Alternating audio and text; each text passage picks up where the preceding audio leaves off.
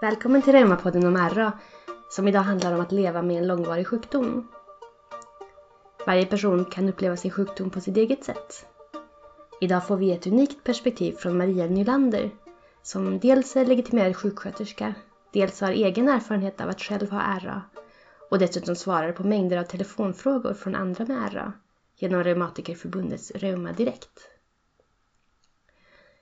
Jag börjar med en fråga som vi fick in i vår enkät till personer med RA eh, som var utgångspunkt för podden. Den lyder så här. Jag och många med mig går eller har gått igenom en tuff period av sorg, ilska och oro för framtiden som nydiagnostiserad. Hur ska jag må? Kan jag jobba? Blir det knapert ekonomiskt? Hur snabbt förstörs lederna? Kan jag idrotta? Rullstol? Många frågor blir det. Hur kan man hantera det här att plötsligt bli sjuk?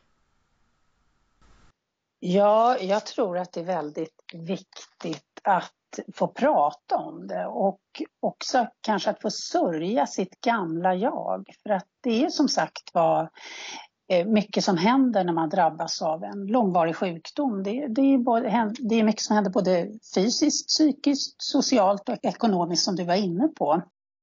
Och då är det viktigt att få vara i den processen. Att, att få sörja, att eh, kanske vara i chockfas, reaktionsfas, bearbetningsfas och så vidare. Och det är också bra för vården att man känner till att det är så, att det kan ta lite tid ibland att komma vidare. Och det kan ju vara olika delar i sjukdomen också så att säga. Att det, man kanske tycker att man har kommit igenom det här och accepterat att man har fått RA till exempel.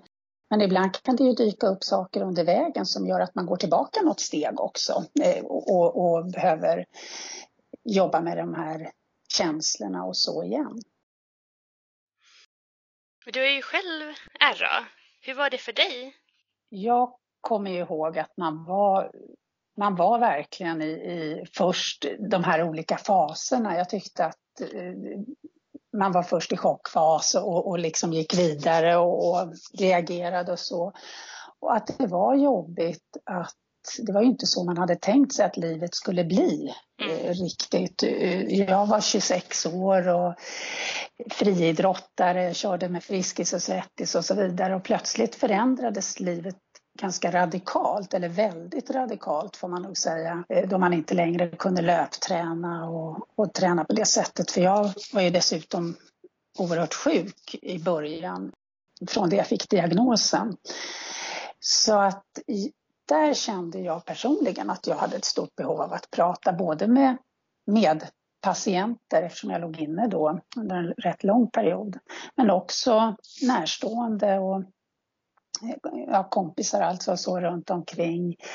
Men även med vården för att man behöver få diskutera det här, vad är det som händer? Man behöver få en del information om sin sjukdom, men det behöver man ju få successivt för att man orkar inte i regel ta in all information på en gång, vilket, vilket man kanske tror själv först från början, men det där tror jag att man behöver få in successivt. Och så så hanterade väl jag det och, och jag minns att eh, ja, man kände sig nästan som en tonåring då, gick med freestyle och, och liksom ville bara koppla ifrån allt det här. Att eh, man hade många sjuka människor omkring sig med, i olika reumatiska diagnoser eftersom jag låg inne vid det tillfället då på Spenshult när, när det reumatikersjukhuset fanns. Och eh, då ville man skärma av lite grann för att det var för mycket att ta in på en gång man såg de som var sjukast så att säga. Ja, det. Det, det, det kommer jag tydligt ihåg och att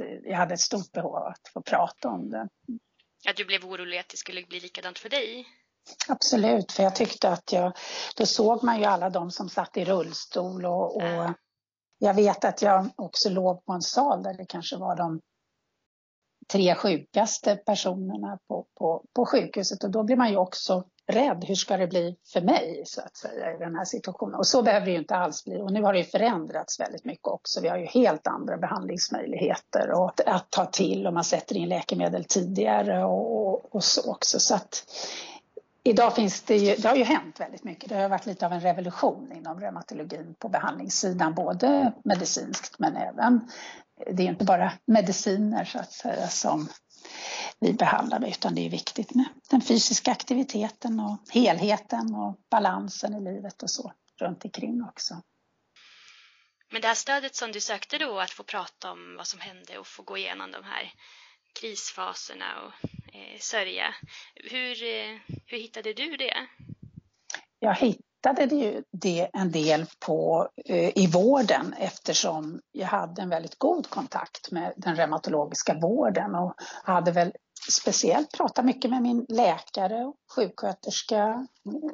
Och så sen pratade jag faktiskt en hel del, dels med min pappa som, som har, har en, han hade en annan reumatisk sjukdom, SLE hade han. Och.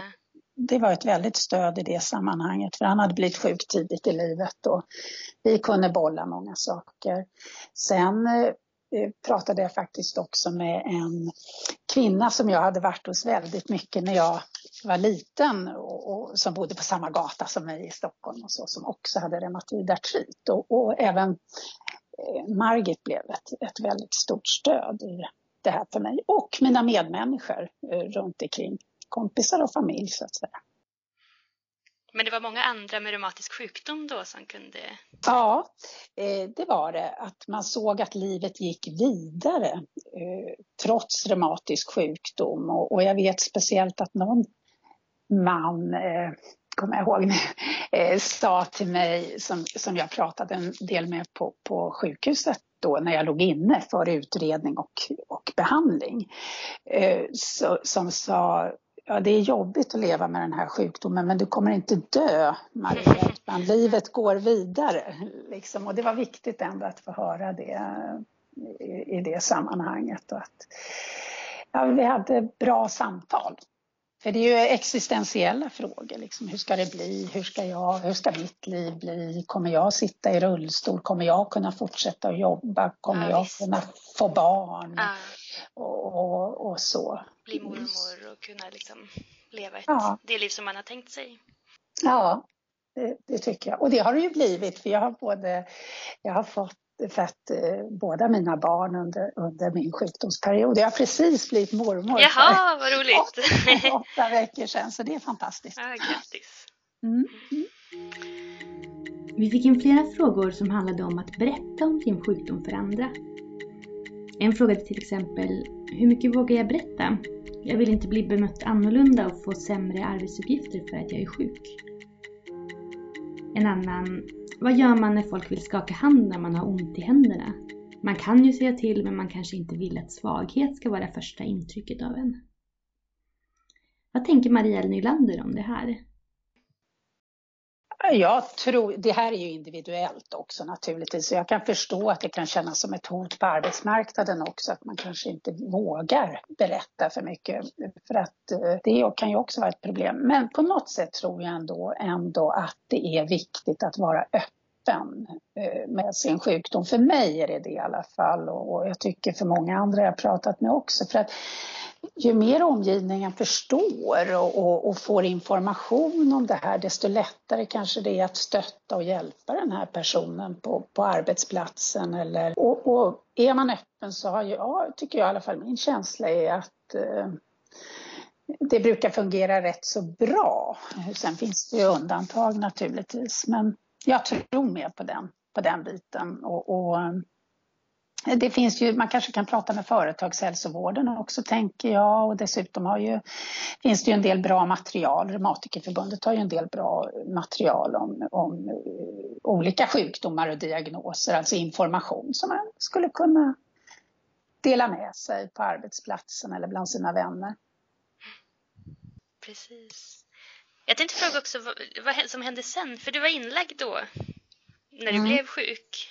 Mm. Och då var jag sjukskriven helt och hållet och, och jag hade precis eh, flyttat eh, ner till Halmstad och skulle börja ett nytt jobb. Så att jag mm. började min tid på det nya jobbet med att vara sjukskriven och det minns jag som väldigt jobbigt. Plus att jag minns att man kände, man visste inte om man skulle klara det här. Alltså man tappar ju självförtroendet eh, faktiskt en hel del och om, om man Eh, har varit sjuk ett tag och, och, och, varit riktigt sjuk. För jag var ju väldigt stel och hade mycket ont och, och var rätt trött och så. Och, och, jag kunde ju vara stel när jag var som sämst till tre på eftermiddagen så att det var rätt svårt att eh, förstå hur man skulle kunna klara av och, börja jobba. Men jag hade en fantastisk läkare som stöttade mig och personalen överhuvudtaget skulle jag vilja säga och liksom pushade mig i alla fall att komma igång och, och jobba men då på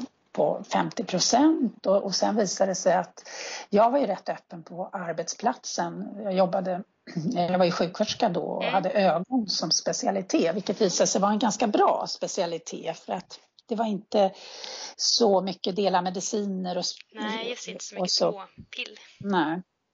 Eh, en del var det ju, men jag fick, de, de var väldigt förstående eh, i början, så det funkade bra och det är en del telefonrådgivning och ibland kunde någon hjälpa mig att gå och hämta journalen utan att jag, utan att jag liksom sa något eller märkte så jag slapp gå de där stegen i korridoren. Och, mm.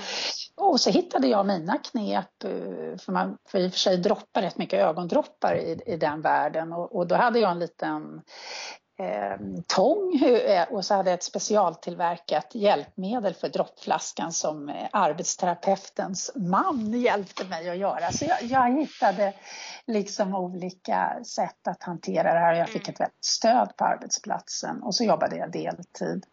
Sen utbildade jag mig, läste jag pedagogik och blev vårdlärare och det passade ju det. bra i sammanhanget då att slippa de här tunga grejerna. Så har jag jobbat med Reumatikerförbundet i 20 år i olika mm. projekt och det tycker jag, då har jag haft nytta av pedagogiken och också erfarenheten av att leva med sjukdomen själv, sjuk, reumatiska sjukdomen själv.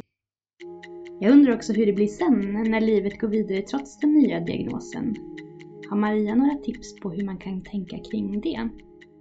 Ja, att försöka eh, och för då har man ju en inflammatorisk process i kroppen, man behöver kanske mediciner för detta och att man försöker ta sina mediciner som man har blivit ordinerad och för att man ska göra det så är det viktigt att man har information om vad läkemedlet eh, är för något så att man är med på tåget på något ja. sätt, att man har fått bort eh, rädslan.